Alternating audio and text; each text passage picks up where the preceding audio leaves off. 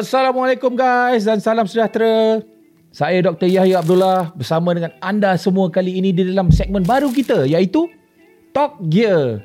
Okey, apakah segmen baru ini? Inilah segmen podcast yang kita akan keluarkan segala-galanya yang interesting untuk kita bersembang bersama, okey?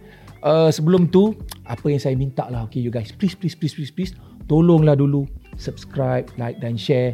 Dan saya harap kita boleh bersembang bersama-sama di dalam comment section, okay, supaya kita boleh berinteraktif dan berinteraksi bersama. Okay. Um, sebelum tu saya nak kenalkan adik saya dulu kan. Siapakah saya ni? Nama saya Dr. Yahya Abdullah. Orang tanya apa kena mana doktor dengan dunia pemotoran ya? Okey, saya ni sebetulnya seorang racer MSBK. Okey, dulu saya berlomba selama 12 tahun okey dalam siri MSS uh, di Sepang dan juga saya mempunyai pengalaman dalam motosikal ya selama eh, saya tak nak beritahu berapa lama tapi sejak kecil lah umur saya 6 tahun okey jadi oleh itu saya harap eh semua orang you all semua please stay loyal dengan kita punya podcast ni sebab ada banyak lagi topik-topik yang super interesting akan datang. Okay, kita boleh bersama-sama bincangkannya. Terima kasih. Okay guys, kita nak bincang topik hari ni eh. Saya rasa ni topik orang kata age old topic eh. Maksudnya ni, ni setiap generasi eh. Sejak Malaysia ni menjadi moden, semua orang yang dah ekonominya bagus eh akan bercerita mengenai topik ni. Topiknya apa? Beli kereta, babe, kan? Beli kereta baru atau kereta second hand. Tapi kenapa eh kita mesti ada kereta dekat Malaysia ni especially kalau dekat uh, bandar-bandar besar macam KL, Penang, JB, Ipoh, Melaka. Kenapa? Especially dalam Kelang Valley ni lah. Um, statistik menunjukkan dan juga according to um, gig ekonomi sekarang Okey, kebanyakan kita perlukan transportation okey untuk melakukan kerja-kerja ekonomi kita, pergi kerja, jual barang, buat sales. Jadi dengan adanya transport kita yang private yang sendiri, kita boleh bergerak dengan lebih lancar kerana kalau nak harapkan public transport agak macam meh sikit kan. Jadi so hassle untuk uh, kita melalui public transport menyebabkan uh, percambahan okey jualan kenderaan especially kereta okey dan juga kereta ni tak semestinya secara brand new tapi juga second hand jadi topik hari ini kita nak bincangkan soalan membeli kereta baru atau lama.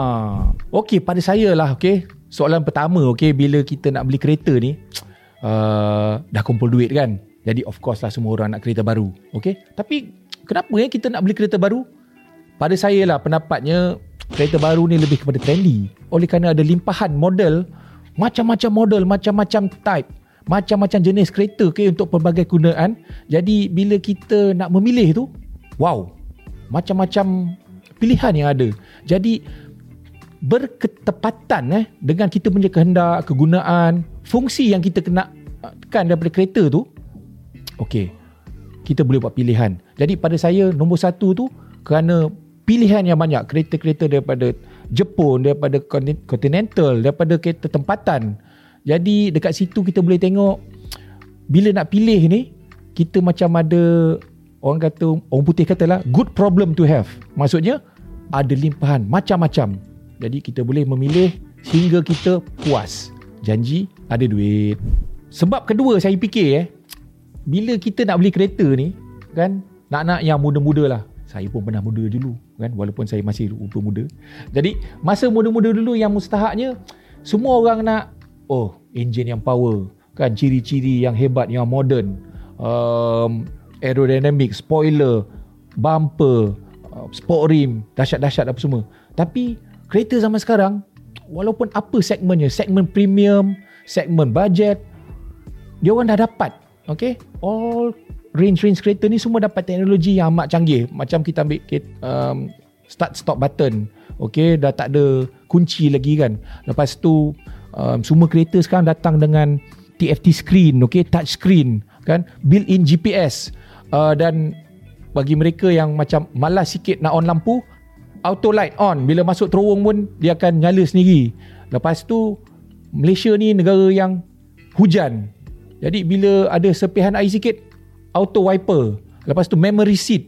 Jadi kadang-kadang kita fikir ni kalau nak beli kereta baru ni hmm, mungkin kerana kita suka eh, teknologi-teknologi terbaru ni nak nak kereta-kereta yang um, auto cruise kan?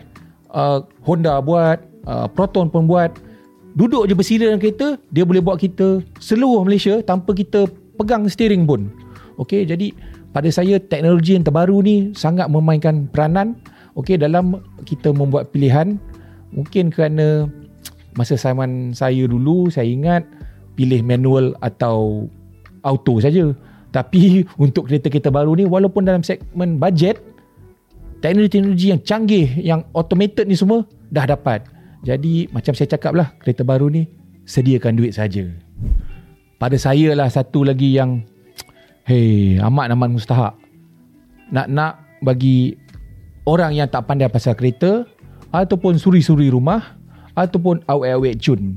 Biasanya uh, pasal maintenance kereta lah.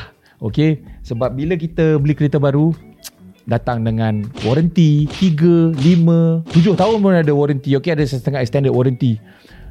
Kat mana mustahaknya ni? Um, saya pernah pakai kereta baru saya pernah pakai kereta second hand. Pada saya bila kita dapat kereta baru ni kita macam sangat-sangat peace of mind. Kepala kita ni tak ada macam eh kereta ni akan berhenti tengah jalan ke? Kan? Uh, rosak tepi jalan ke? Ada benda-benda yang kita tak boleh nak agak apa rosaknya kan? Dan hasil daripada um, fikiran ni akan keluar satu anxiety. Eh selamat ke kita travel? Ataupun berapa ribu uh, nak keluar kalau nak repair? Jadi history ataupun sejarah kereta tu kalau brand new kereta baru tak ada. Kalau ada warranty defect ke apa ke dah di cover oleh manufacturer. Jadi pada saya bila kita nak peace of mind Of course lah Okay? Kita cari kereta baru Atau kereta brand new. Ha Okay lah. Pada saya kan? Itulah dia Okay? Kalau kita beli kereta baru. Pada saya memang best lah. Tapi yang paling mustahak sekali Pada saya lah Kereta baru ni Kita nak balik beraya Kita impress orang. Okay? Bagi kaki-kaki yang uh, Suka impress Okay Mungkin dapat awet baru kan? Jadi nak ambil hati Apa tahu nak kahwin kan? Nak nak nak impress Tara mara atau mak mentua.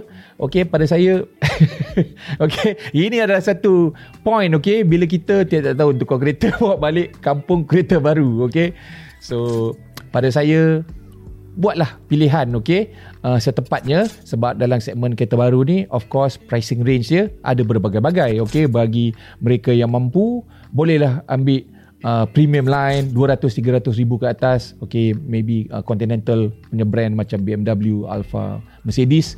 Uh, tapi kereta yang um, 100 ribu ke atas pun okey juga uh, kan? Um, pada saya limpahan model uh, daripada 70 ribu ke atas uh, walaupun daripada um, local manufacturer seperti X70, X50 saya cuma nak beritahu tentang features-features kereta um, premium yang ada pada kereta yang bawah harga RM60,000. Jadi possible ke tu? Disclaimer, tak ada siapa yang bayar saya eh? tak ada manufacturer yang bayar saya ni kejujuran saya daripada hati. Okey. Contohnya Axia. Axia baru ni. Features eh kalau saya cerita mungkin 2 3 tahun lepas saja ada di kereta yang mungkin flagship models. Okey, tapi sekarang dah ada. Okey. Macam mana dia orang boleh buat tu? Saya listkan eh. Saya dah tulis list ni apa yang kereta RM60,000 ke bawah ni ada. Ha, digital dash, full digital dash. Sekarang okay, semua kereta-kereta um, kereta-kereta kecil ni pun, okay, kereta-kereta murah ni pun orang kata bajet pun dah ada. Axia ni datang lagi dengan lane departure. Okay, dia boleh detect okay, bila kita tukar-tukar lane. Okay, ada ASA, Advanced Safety Assist. Ada sensor okay, untuk pre-collision. Nak berlanggar, dia boleh detect. Okay, pre-braking. Dia boleh brake automatically okay, untuk jagakan jarak supaya kereta tak berlanggar. Okay, apa lagi? Lane keeping supaya dia boleh stay dalam lane kereta. Okay, kalau kita pergi daripada KL sampai ke Perlis pun, dia boleh stay dalam lane yang sepatutnya yang paling optimum. Parking assist. Hey, parking pun nak kena tolong. Jadi, kalau kita pergi ambil lesen dulu, kemainlah tester tu suruh kita parking macam mana kan dengan teknik berpelbagainya. Tapi sekarang kereta ni boleh parking sendiri. Headlamp assist. Ha, abang saya dia cakap, "Hai, nak buka lampu pun nak suruh kereta tu sendiri, ada jari tak boleh." Tapi kereta tu dah boleh buat, biarlah dia buat sendiri. Kan? features yang terbaik saya rasa lah um, ini paling mustahak lah airbag airbag ada 6 kereta kecil kereta bukan premium kereta yang bawah 60 ribu boleh ada airbag sebanyak 6 dulu mungkin airbag hanya ada satu atau dua di depan. Tapi sekarang kereta yang berharga 60 ribu pun boleh ada 6 airbags. Okay? dan juga ada contohnya lagi VSC Vehicle Stability Control. Jadi ini semua premium features eh bagi kereta-kereta yang flagship dulu dah ada dalam kereta yang harga marhain. Memang terbaik lah.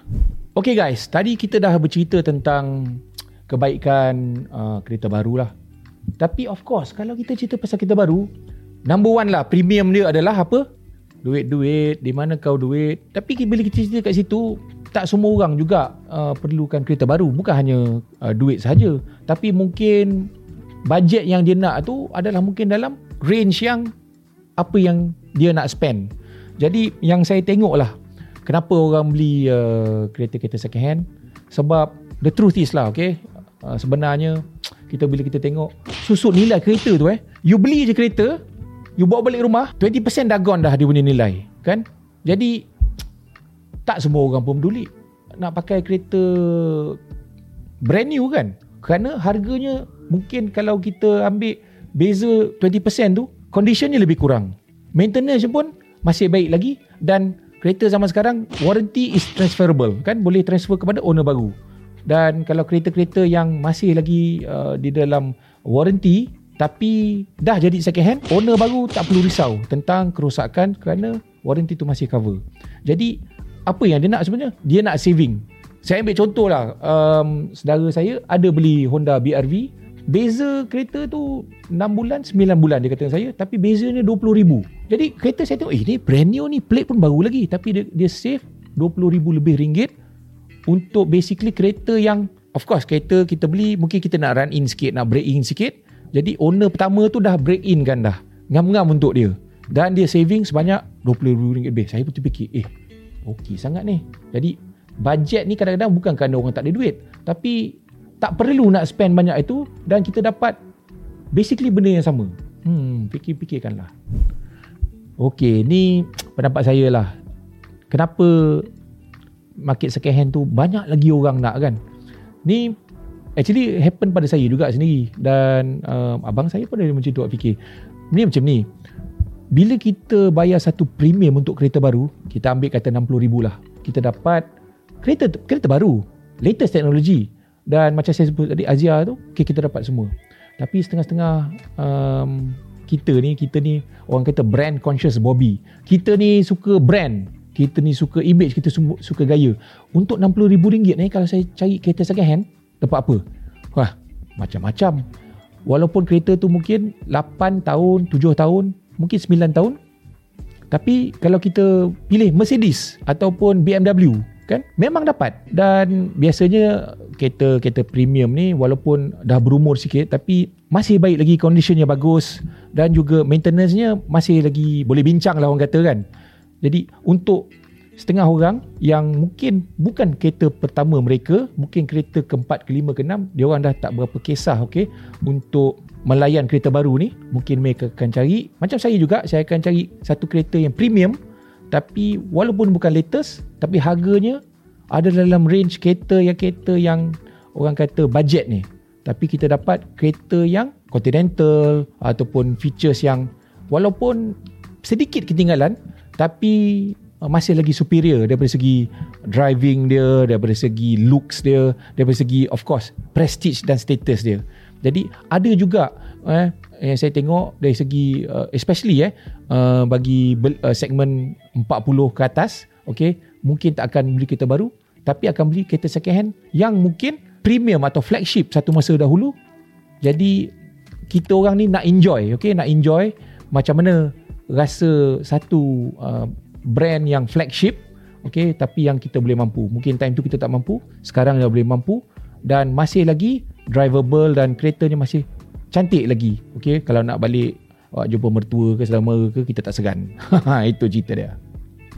Ha guys jadi kita dah bercerita okey kenapa kita perlukan kereta? Dan kita dah explore sikit sebanyak kenapa nak beli kereta baru. Kita dah bercerita juga apa kebaikan kereta second hand ni kan?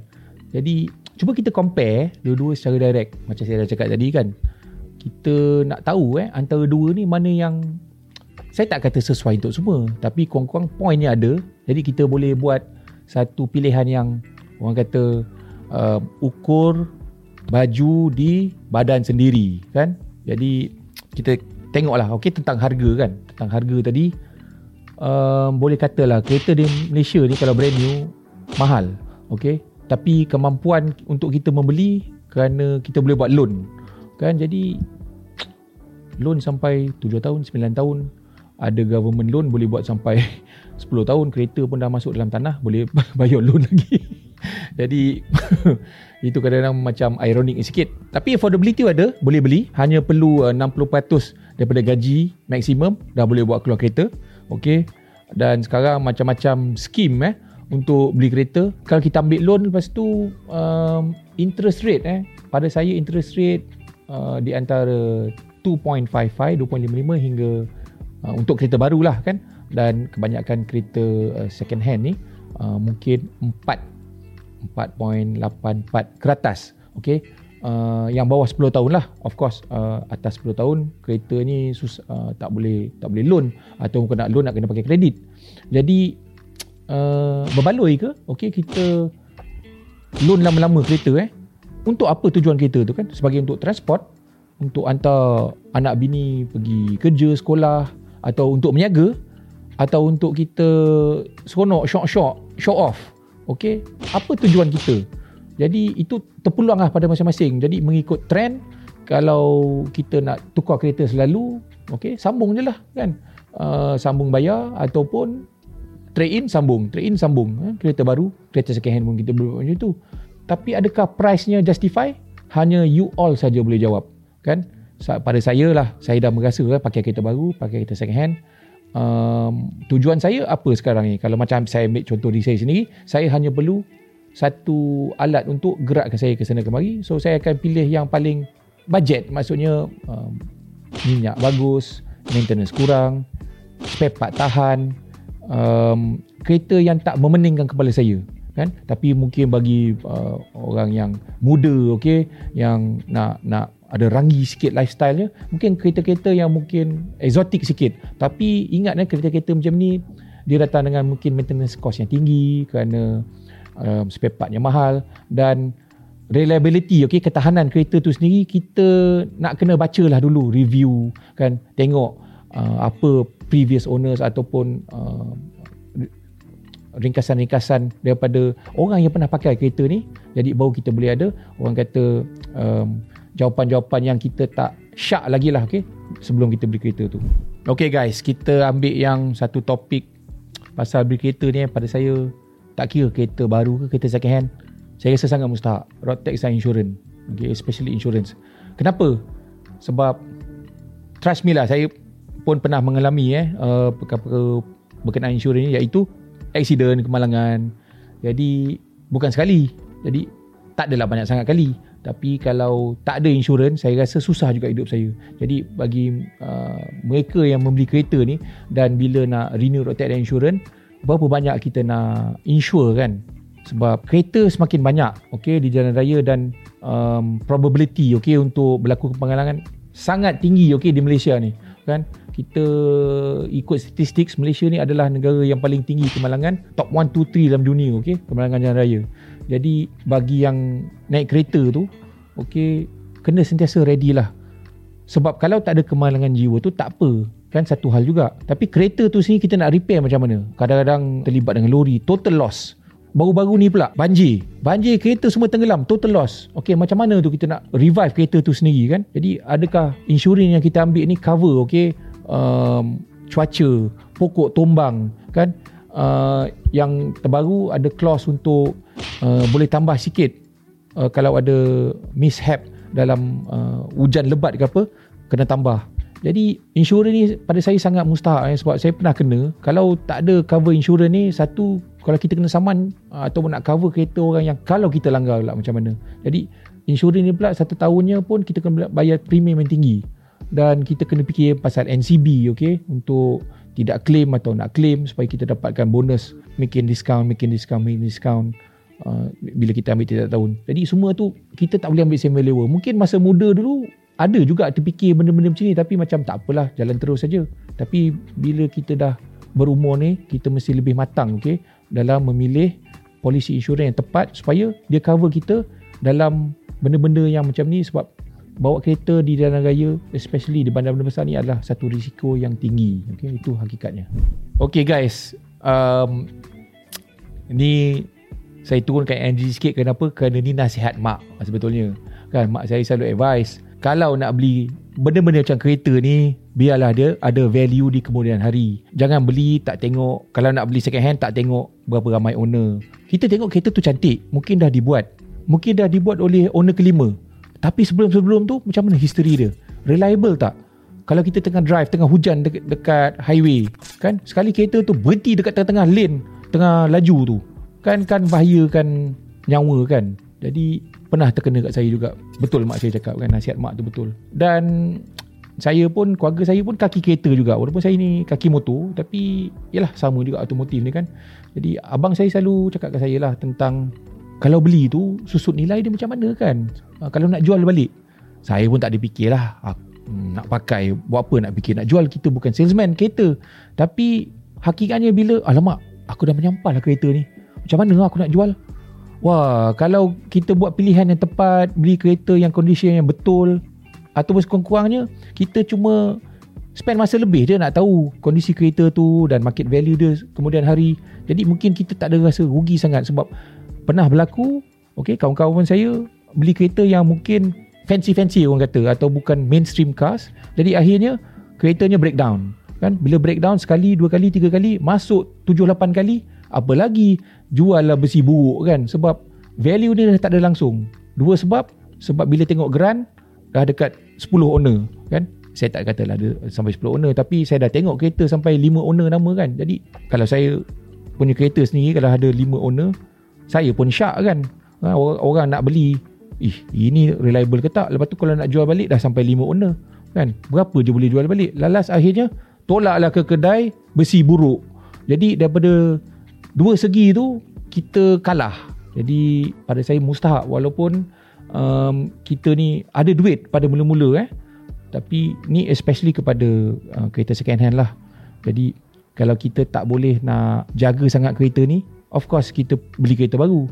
Tapi kalau kita ni ada kesedaran okay, terima nasihat kan daripada orang yang lebih pandai tentang kereta ni berpengalaman jadi kita dengar lah ya. jadi pada saya inilah tujuan uh, podcast hari ni akhirnya kita nak bercerita tentang menasihati kan? Apa poin yang sebenarnya berkenaan dengan kereta baru dan kereta lama dan nasihat-nasihat yang mungkin salesman takkan beri kan? Mungkin kawan-kawan tak akan beri. Tapi yang saya alami ni pengalaman buruk lah juga kan? Akhirnya nasihat tu daripada mak sendiri kan?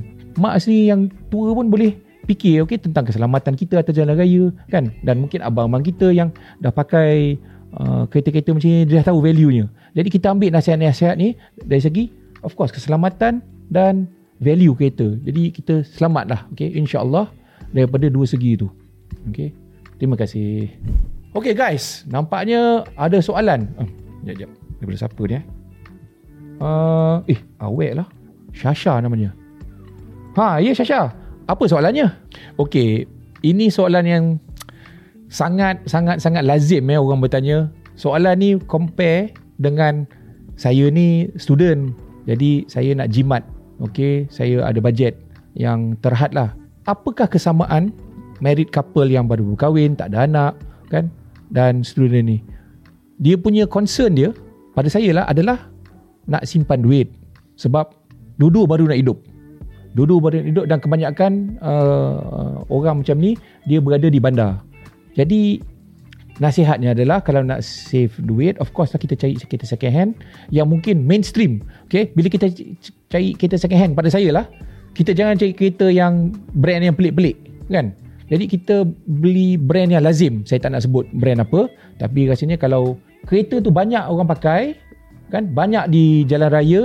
Dan kita tengok kesana kemari ada. kan Dan kita tengok, kita tanya bengkel. kan Kebanyakan bengkel boleh repair kereta apa yang senang. Dan spare part yang murah. Dan maintenance yang reliable. Jadi kita pilih kereta tu. Tapi, tapi, tapi macam saya tengok eh banyak macam Cik Syasha bertanya, kalau saya berkahwin kan uh, saya ada young family, mungkin expecting okay untuk dapat anak pertama lah kata okay.